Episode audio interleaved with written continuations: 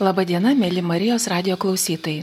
Šiandien knygų lentynoje kalbėsime apie Magnificat leidinių knygas, o apie jas pasakos Santa Maciulevičiane, Magnificat leidinių leidybos koordinatorė ir, Sveiki.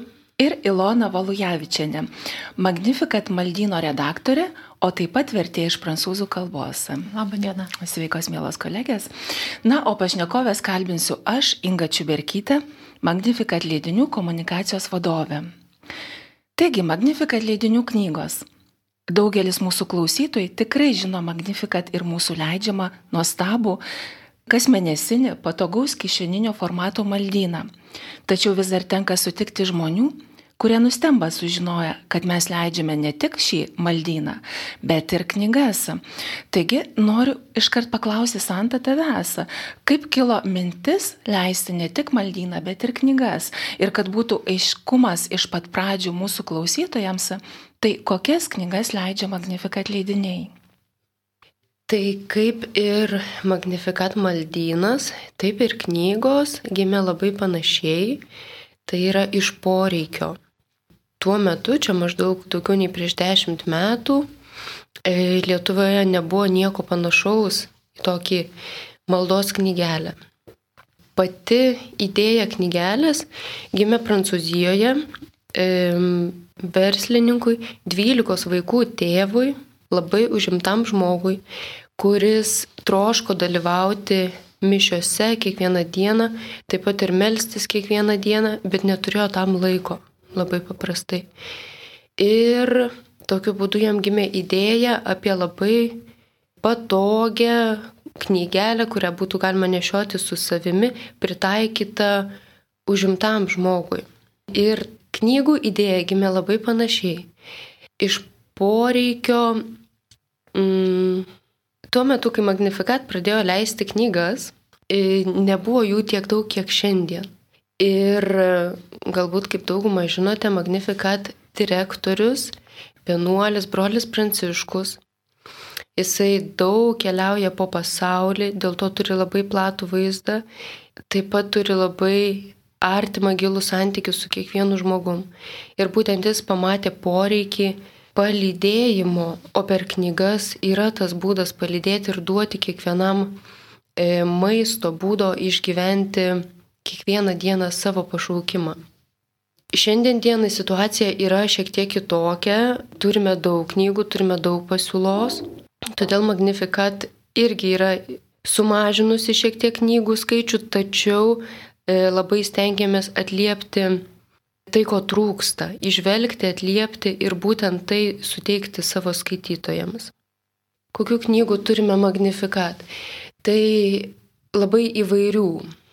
Matyt, svarbi ta mintis, kad Magnificat knygų leidybą siekime atliepti į žmonių pašaukimą.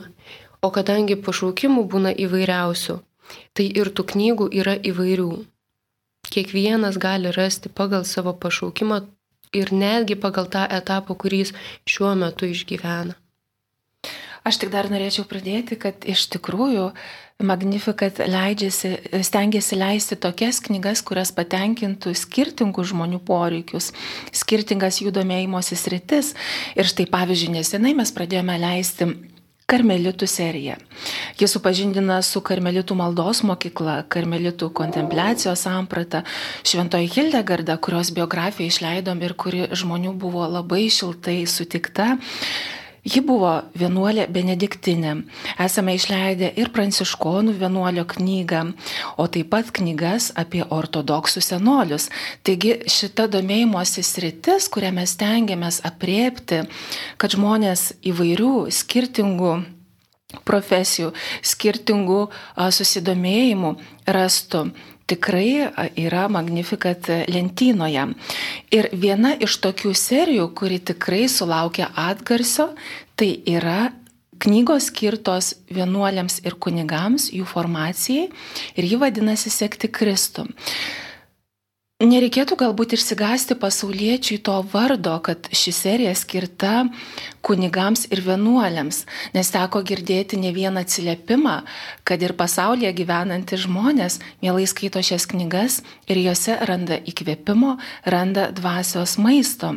Taigi, Lona, aš jau norėčiau tavęs tuomet paklausti, Kokia yra ši knygų serija ir gal plačiau galėtum tada papasakoti apie paskutinę knygą apie skaistumo darybę, kurią tikrai, manau, rekomenduojame visiems pasauliečiams paskaityti, nes tu esi šios knygos vertėja iš prancūzų kalbos. Ir man atrodo, kad vertėjas yra būtent tas žmogus, kuris pirmiausia prisiliečia prie šios knygos, kurio dėka mes galime skaityti lietuvių kalbą labai tokias gražias, įkvepiančias mintis, šiuo atveju apie skaistumą. Ir manau, kad na, vertėjas yra tas žmogus, kuris be galo giliai eina į knygos tematiką. Taigi daug klausimų tau ir, ir tau žodis. Dėkui už gerus žodžius apie vertėjus. E, tai iš tiesų serija pirmiausia skirta pašvestiesiems ir dvasininkams, bet mes visi kiekvienas esam pašaukti aukti tikėjime, e, krikščioniškai aukti ir Ir tos knygos nėra tiek specifinės, kad nerastų kiekvienas jas atsivertęs kažkokio grūdo pamaitinti savo dvasiai. Ir jos skirtingos, pavyzdžiui, pirmoji knyga buvo apie dvasinį palidėjimą, dvasinį, dvasinį gyjimą, tikrai labai plačiam ratui gali būti skirta. Knygos apie skaistumą jau yra dvi. Ir iš tiesų būtų labai klaidinga manyti, kad skaistumas skirtas tik tai pašvestiesiems, ar ne? Mes visi esame pašaukti skaistumą Ir ta paskutinioji knyga gal ir atskleidžia, kad kalbama ne tik apie skaistumą lytinėje srityje, kalbama apie skaistumo darybę, kuri apima daug plačiau mūsų, mūsų elgesį įvairiais atvejais. Ir, ir kaip autorius pabrėžia, skaistumas visų pirma yra e, deramas santykis su kitu, kito nesisavinimas e, ir koks tas teisingas santykis su kitu, čia jau kiekvienoje konkrečioje situacijoje mes sprendžiam, ar ne? Galbūt pašvestas žmogus toj konkrečioje situacijoje vienaip nuspręs su tuoktinis kitaip. Labai autorius tikrai paliečia įvairių temų šitoj knygoj. Gal reikia dar paminėti, autorius yra Jean-Marie Goyet, dominikonas, baigęs ir medicinos mokslus, ir teologijos mokslus, ilgą laiką dėstytojavęs dėstęs moralinę teologiją, tikrai plataus akiračio žmogus ir kaip jis sako, šitą knygą jis ne, nesiuošia pateikti atsakymų į visus kylančius klausimus, bet tiesiog tarsi ir skatina pradėti diskusiją, atviriau kalbėti apie tai. Tai va, tai vienaip turbūt apie ten aprašytas mintis kalbės dvasininkai, kitaip pasauliečiai, tai vien skatinčiau pasauliečius vien iš smalsumo paskaityti, kaip dvasininkai mato savo pasirinkimą, kaip jį suvokia. Bet yra ten keletas aspektų, kur, kur tikrai mums visiems aktualūs. Jau kaip minėjau apie tą teisingą santykį su kitu nesisavinimą. Taip pat nemaža knygos dalis skirta kalb... apie stoką, mintims apie stoką.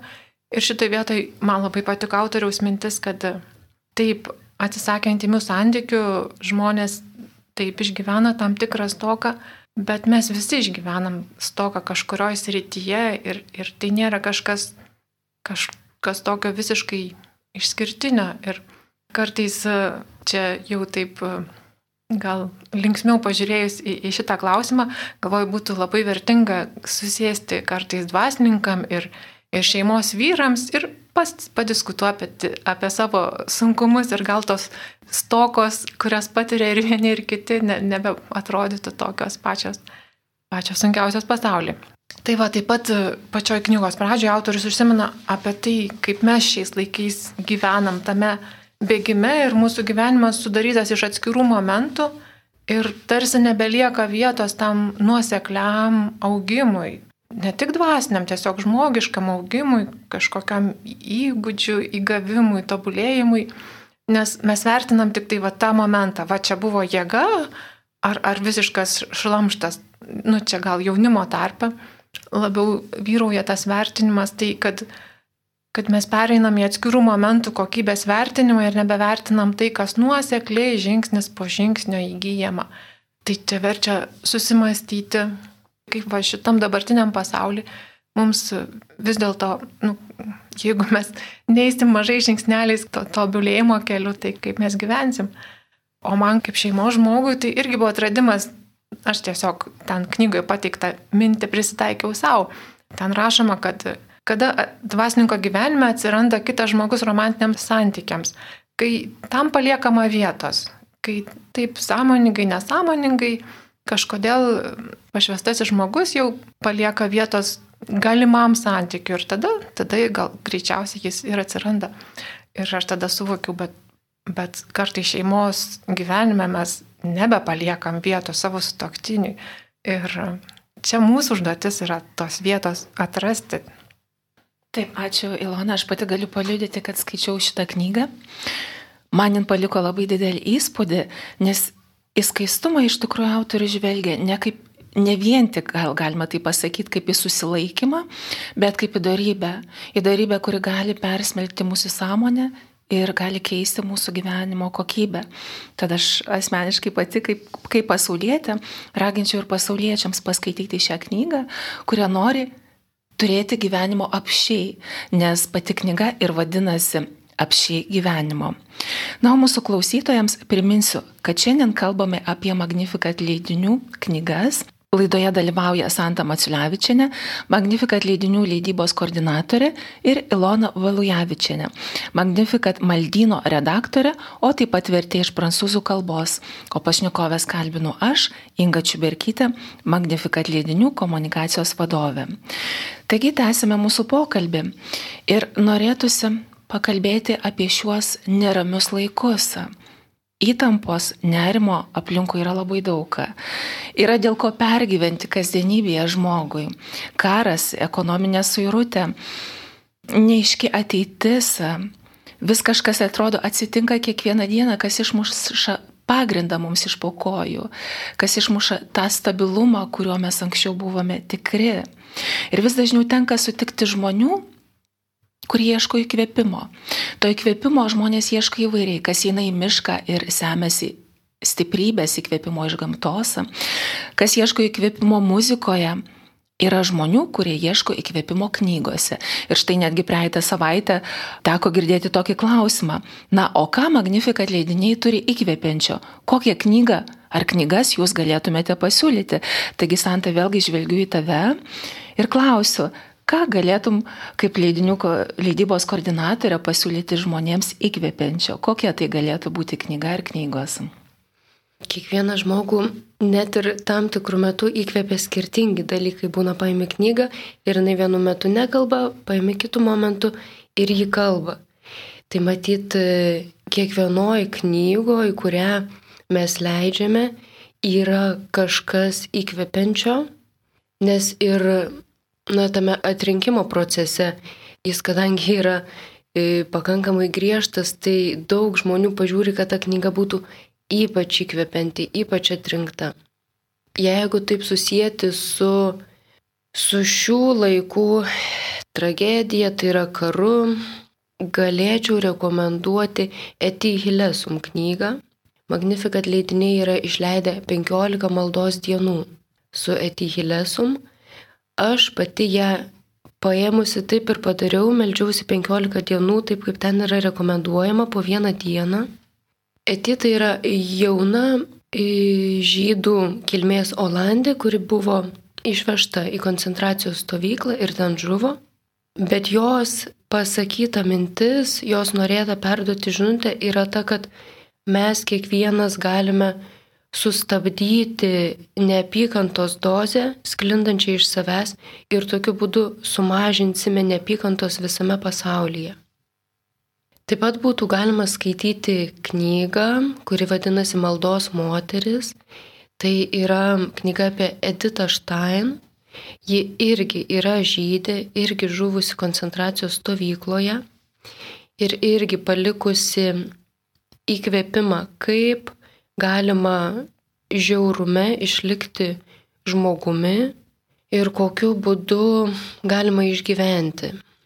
Bet ir kiekvienas švento žmogaus gyvenimo liudymas, iš kiekvieno iš jų galima pasisemti tam tikrų metų, tam tikro įkvėpimo. nes jie būtent mus ir ragina, kaip išgyventi.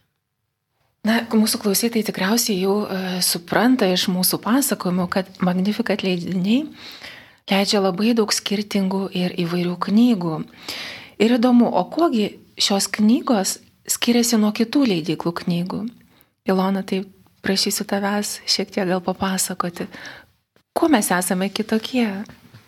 Sunku tai pasakyti aiškiai, kad mes esame labai kitokie, nes mes leidžiam knygas krikščioniui, norinčiam eiti tikėjimo keliu. Ir turbūt nėra taip, kad mes leidžiam va čia tokiem krikščionim, kita leidykla leidžia kitokiem.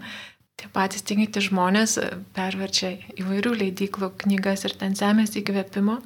Kaip Santa minėjo iš pradžių, gal tas mūsų išskirtinumas yra siekis pastebėti, ko dar nėra, ko žmonėms reikėtų ir, sakykime, dar lietuviškai negalim paskaityti, bet čia toks gana didelis siekis ir, ir nėra lengva į jį atliepti. Taip, galbūt mūsų skaitytojas dažnai atranda mūsų knygas dėl to, kad pirmiausia naudojasi magnifikat maldinėliu. Ir gal pastebėsit, kad taip jau išeina, kad mūsų knygos dažniau būna verčiamos iš prancūzų, italų kalbų ne, ne, negu iš kitų dėl, dėl tam tikrų subjektyvių priežasčių, bet tai nereiškia, kad mes apsiribojam šitom kalbom, o esmė yra, nu, kaip ir maldinėlio, palydėti žmogų maldos gyvenimą arba tikėjimo kelionėje. Ir vat, tikrai, jeigu tai peržvelgtume visas, tai tikrai įvairių pašaukimų žmonės atrastų savo vieną ar kitą įkvepiančią knygą. Man atrodo, kad Magnificat leidinių knygos artina žmogų prie Dievo. Ir labai norėtųsi, kad tai būtų tas grūdas, kuris yra tarsi metamas į dirvą, tai yra į žmogaus širdį. Ir ta ugnelė, kuri paskui užsidega, lydi žmogų kasdienybėje, padeda jam susivokti, padeda išgyventi sunkes kasdienės situacijas, pasitelkiant tikėjimą tiesiog paimant už rankos Dievą ir kartu keliaujant. Tai manau tikrai Magnificat leidinių lentynoje tokių knygų galima rasti. Na, mes kalbėjome apie tokius sunkius laikus, karą, kas galėtų iš, padėti išgyventi, kokios mūsų knygos galėtų žmogui suteikti įkvėpimą. Bet dabar norėtųsi pakalbėti ir apie šiek tiek linksmesnius. Artėja Kalėdų metas. Ir pagrindinė ta žinutė Kalėdų yra, tai yra Kristaus gimimo slėpinio išgyvenimas. Ir vis tik tai yra tas laikas, Kalėdų, kai mes pagalvojame ir apie artimuosius ir norime juos pradžiuginti dovaną, kuri jiems patiktų, kuri vėlgi suteiktų stiprybės, jėgų gyventi. Jeigu mes pažvelgtume į Magnificat knygų lentyną, kokios knygos galėtų būti kaip dovana, galbūt savo pačiam, artimui, draugui. Santa vėlgi žvelgiu į tave, nes manau, kad tu gal ir geriausiai žinai kaip leidybos koordinatorė. Taip, tikrai yra ne viena knyga, kurią būtų galima dovanoti iš viso širdies savo artimiesiems. Yra didelis pasirinkimas vaikams. Tai jeigu ieškot vaikams dovanos, galima pasirinkti. Šiaip dabar tai laukiame e, naujausios Juratės Micevičiūtės knygos Švento Ignaco kelio, nes ta knyga bus skirta ir tinkama netikintiesiems, kaip kelionių knyga su nuostabiom iliustracijom, bet ir labai gilus vedimas per žmogaus gyvenimo etapus. Tai šią savaitę tikimės atiduoti į spaustuvę, kad kalėdoms dar spėtume įsigyti tą knygą. Taip pat yra labai gražiai išleistas Dievo žodžio dienoraštis, kuris tinka bet kokiai progai dovanoti. Tai yra knygelė su Dievo žodžio mintimi kiekvienai dienai ir iliustracijomis. Ir ten yra vieta, kur žmogus pats gali rašyti savo mintis, e, rašyti laišką viešpačiui ar tiesiog išsirašyti, tai kaip žmogaus dienoraštis, kurio autorius yra ir Dievas, ir jisai pats. e, Magnificat leidikla turi ir pasiūlymą už mažesnės kainas, tai yra knygų ir po eurą, ir po du, iš kurių galima išsirinkti puikiausių dovanų.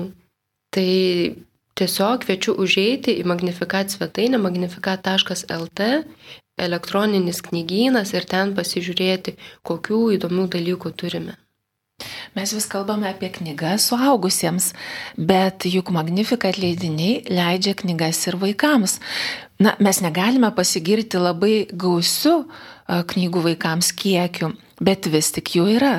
Tad Ilona norėčiau tavęs gal paklausti, kokios yra vaikams skirtos knygos, kurias leidžia Magnificat leidiniai. Ir žinau, kad tavo dukra, kuri yra dešimties berots metų amžiaus ar ne, mielai skaito knygas ir kokias knygas jis, jis skaito, kokios yra mėgstamiausios galbūt ir iš Magnificat e, tai, ką mes siūlome. Tai aš žinodama, kad eisiu laidą, vakar ją pašnekinau ir jinai man ten pradėjo berti savo mintis. Tai pirmiausia, aišku, yra mano akimis unikali serija Vilkiaus nuotykiai. Tai yra komiksų knygelės, bet e, labai, kaip pasakyti, labai įdomios istorijos. Ir, ir dukros sako, man ten labai patinka gražus paveikslėliai, ir labai įdomios istorijos. Ir tai, kad ten apie senovę ir įsivaizduok, net Šventas Pranciškus kažkaip įtrauktas ir Vilkiaus personažas e, labai įdomus, jisai yra keliauninkas, grojantis, gėdantis e, berniukas, vis papuolantis į kažkokius nuotikius ir dar jį lydi vilkas, net ir vilko personažas ten labai vis įdomiai kažkaip sudalyvauja. Kiekvienoje to istorijoje yra kažkokia tokia esminė mintis, kur vaikui per, per tą veiksmą pateikiama kažkokia krikščioniško gyvenimo tiesa. Vat kaip krikščionis turėtų pasielgti to ir kitoj situacijai. Ir e, jau mes esam išleidę penkias šitos serijos knygas, prancūzų autoriaus e, knygas, kuris taip pat yra šeimos tėvas ir diakonas, ir, muzikantas, ir rašytojas. Ir pradėjo dukra jas skaityti nuo trijų metų, dabar jai dešimt ir jinai dar jų ne, nepalieka. Sako, mama, aš jų dar greit ne, nesiuošiu jų iš vis palikti. O galvoju, man jos irgi įdomios ir, ir suaugus, tai turbūt tikėkime, kad ilgai nepaliks. Nes dabar yra toks, toks laikas, kai pagalvojau, jau kaip ir turėtų išaukti į tą vilkių, bet dar nepriaugo iki kitų mūsų leidyklos knygų, kurios gal paaugliams, jaunuoliams, Natano istorijos arba pakopa po pakopos knygelė. Tai todėl tarsi atsiduria tokiam tarpe, tai, bet jinai labai randa, randa peno mūsų um, žurnaliukę Magnificat vaikams. Ten taip pat yra gale istorijos uh, testinės, ką aišku labai mėgsta skaitantis vaikai, o mažiau skaitantis tai ten randa žaidimų, komiksų, aiškinama liturgija, yra sekmadienio mišių skaitiniai su užduotėlėmis. Tikrai spalvingas ir, ir, ir širdies parengtas žurnaliukas, kur supažindinama ir su tuo, kas yra Lietuvoje ir su, su, visa, su visa krikščionybės tradicija. Tai va, jinai labai džiaugiasi, kad yra tas žurnaliukas ir tikisi, kad galės ir toliau jį skaityti. Ir mes tikimės, kad Magnificat leidiniai ateityje išplės vaikams siūlomų knygos sortimentą ir na, pasvajokim, kad vieną dieną jų galbūt atsiras tiek pat, kiek yra suaugusiems ir vaikai tikrai turės iš ko rinktis.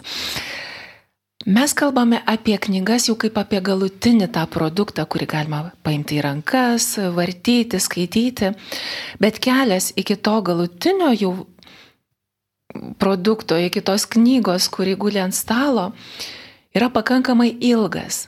Tad ir norisi paklausti Santa, o kaip gimsta knyga? Iš kur ateina idėjas, kad štai verta leisti vieną knygą, o kitos galbūt nereikia leisti? Ar rekomenduoja šitas knygas, ar, ar tiesiog e, kažkur paskaitoma apie jas? Na, kaip gimsta knyga? Magnifikat maldynas e, per šituos metus yra subūręs nemažą bendradarbių ratą, kurie yra įsigilinę į įvairiausias rytis ir jie yra tų sričių profesionalai. Tai daug knygų, idėjų ateina būtent iš jų, nes e, šie žmonės skaito užsienio kalbą, kurią nors, ir tuomet sako, būtinai mums reikia šitos knygos, kad lietuviai irgi galėtų skaityti ir žinoti, kas vyksta pasaulyje. Tokiu būdu mes turime pasiūlymų. Tuomet mes e, kaip Magnifikat komanda svarstome, kas tikrai yra vertinga skaitytojui. Ir šitame procese kviečiame įvairius ekspertus, tos ir tie žinovus, kad jie irgi perskaitytų knygą ir duotų savo įvertinimą, kiek tai yra reikalinga, kiek tai yra tinkama, kiek tai kvies į atsivertimą ir kiek tai įkvėps mūsų Lietuvos skaitytojus. Kai šitas etapas yra įveikiamas ir knyga yra pasakoma taip, tuomet prasideda pakankamai ilgas etapas, kuomet knyga yra verčiama, redaguojama, maketuojama. Tai irgi trunka na, nuo metų iki dviejų, kol tas galinis produktas pasiekia skaitytojo rankas. Tai Marijos radio klausytojai tikrai gali būti tikri, kad Magnificat leidinių leidžiamos knygos yra jau tos knygos, kurios yra pačios geriausios atrinktos iš, iš, iš gausos knygų, kurios iki tol pereina na tą procesą atrinkimo, kur paskaito e, ir kunigai, mes duodam jiem paskaityti, ir žmonėms, kurie yra be galo arti tikėjimo, yra bažnyčioje, gauname jų rekomendacijas Ir tada sakome taip, tada nešame jau šitą knygą jums, mėly mūsų klausytojai. O jeigu šiek tiek žvilgterėti į ateitį, kokie yra ateities planai? Aš suprantu, kad na, mes negalime klausytojams visko išduoti ir pasakyti, ko jie dabar lauktų, o galbūt kai kurie ir pradės ieškoti, ko, ko dar nėra. Bet, na, šiek tiek galbūt intrigos norėtųsi tokios. Kokių knygų galima tikėtis ateityje Magnificat leidinių lentynoje? Tokia kaip pagrindinė e, mūsų kryptis, į kurią judame, galima būtų sakyti, kad yra šventųjų gyvenimai ir šių dienų liudymai. Tai tos knygos, kuriuo šiuo metu jau yra procese, yra verčiamos, tai ir yra šventųjų gyvenimai ir šių dienų liūdimai, kurie tikrai ypač įkvepia. Aišku, kad šiuo metu mes atsižvelgiame į esamą situaciją ir labai svarbus kriterijus e, pasirenkant būsimas knygas buvo knygos teikiančios viltį. Labai aktuali, aktuali tema, ypatingai šiais laikais tikriausiai suteikti viltį klausytojui, skaitytojui. Na, bet turbūt mes ir neišduokim visų paslapčių. Dabar gruodžio mėnesį tikrai ieškokite Juratės Micevičiūtės knygos Švento Ignaco kelio etapai žmogaus tapsmas. Jau pats pavadinimas yra pakankamai intriguojantis - žmogaus tapsmas. Tai yra, kuo kviečiami tapti šitoje knygoje. Jau galėsite skaityti visai netrukus, gruodžio mėnesį. Na ir mūsų laida eina visai į pabaigą. Ir mano paskutinis klausimas būtų jums, jau ir Ilona, tau, ir, ir Santa, tau tuo pačiu. Gal galite pasidalinti, ką skaitote šiuo metu, kas yra ant jūsų stalo, dabar kokia knyga guli? Galbūt tai iš tikrųjų irgi kažkaip užves ant kelio mūsų klausytoją, kuris ieško kokios įkvepiančios knygos ar gilaus turinio, ar nori pastiprinti tikėjimą. Taigi, ką jūs skaitote šiuo metu? Tai šiuo metu, ne tik šiuo metu, dažniausiai ant mano e, stalo guli nelietuviškos, o prancūziškos knygos. Ir jas skaitau arba dėl to, kad e, norisi kažko, kažko dar naujo, arba su tą mintim, kad galbūt ir, ir, ir mūsų skaitytojams būtų verta kažką iš tų knygų pasiūlyti. Labai mėgstu vieno prancūzų filosofo knygas, kuris labai įvairiom temom rašo. Tai va vieną iš jų skaitau ir taip pat skaitau kitą prancūzišką, kurią svarstom tiesiog ar tinka leisti. O iš, iš seniau leistų mūsų knygų, tai jau čia Santa minėjo, man neprilykstama yra Edito Štain istorija ir, Ir toje knygoje, kurią Magnifikat išleido, tikrai pažvelgta labai įvairiais kampais į Edito Štain gyvenimą, jinai lyginama su, su kitom garsiom žydų tautos moterim. E, šiuo metu ant stalo guli, ant mano stalo guli trys knygos, jos visos yra vienodos, tai yra Klaros Liučės Badano gyvenimas ir mintys. Tai yra paskutinė mūsų išleista knyga, kurios aš pati labai laukiau su didžiausiu malonumu ją perskaičiau per vieną vakarą ir tuo pat nusprendžiau, kad reikia jų įsigyti daugiau, kad būtų galima dovanoti savo mylimiems žmonėms. O aš galėčiau nuo savęs pridurti, kad ant mano stalo guli Juratės Micevičiūtės knyga. Ir aš taip sakau, kad jau guli, bet iš tikrųjų tai teisingiau būtų pasakyti, kad mano kompiuterė guli. Ir aš labai džiaugiuosi, kad dirbdama Magnificat leidiniuose, na, turiu šiokią tokią privilegiją skaityti knygą iki tol, kol ji dar pasirodys e, tokiam popieriniam formate. Ir skaitau tam, kad galėčiau jums, mėly klausytojai, daugiau apie ją papasakoti, parašyti, pakalbėti per radio laidą. Taigi, gruodžio mėnesį manau, kad jūs galėsite paskaityti ne vieną straipsnį ir ne vieną radio laidą išgirsite apie tai. Ir kuo mane patraukė Juratės Micevičiūtės knyga, tai be abejo patraukė Šventojo Agnaco asmenybę. Jo gyvenimo kelias, kuris buvo pakankamai sudėtingas ir knygoje parodyta nuostabi šio žmogaus, šio šventojo vidinė stiprybė ir nepalaužiamas tikėjimas, kuris labai aiškiai, labai akivaizdžiai man parodė, kaip iš bet kokios situacijos gyvenime, kuri atrodo žmogiškai neįveikiama, keliaujant kartu su Dievu, tas nebeįveikiama virsta į įveikiamą, galima ir viską tikrai galima nugalėti, jeigu yra labai gilus tikėjimas širdyje. Ir žmogaus tapsmas, tie du žodžiai knygos viršelėje yra tokie intriguojantis, labai viliojantis ir vedantis į labai gilę asmeninę vidinę kelionę. Kelionę, kurią aš esu tikra apvainikuos labai daug vidinių atradimų tiems, kas paims šią knygą į rankas ir perskaitys ją visą. Na ir trečias dalykas, kuris tikrai intriguoja, tai kad ši knyga yra iš dviejų dalių. Ir antra dalis tai yra toks praktinis gidas tiems, kurie pasiryš keliauti Švento Ignaco keliu Ispanijoje. Ir šioje knygoje yra žemėlapiai, yra naudingos nuorodos piligrimams. Taigi, tai yra nepamainomas vadovams tiems, kurie nori leistis į kelionę ir ne šiaip į tą tokią turistinę kelionę, bet į piligriminę.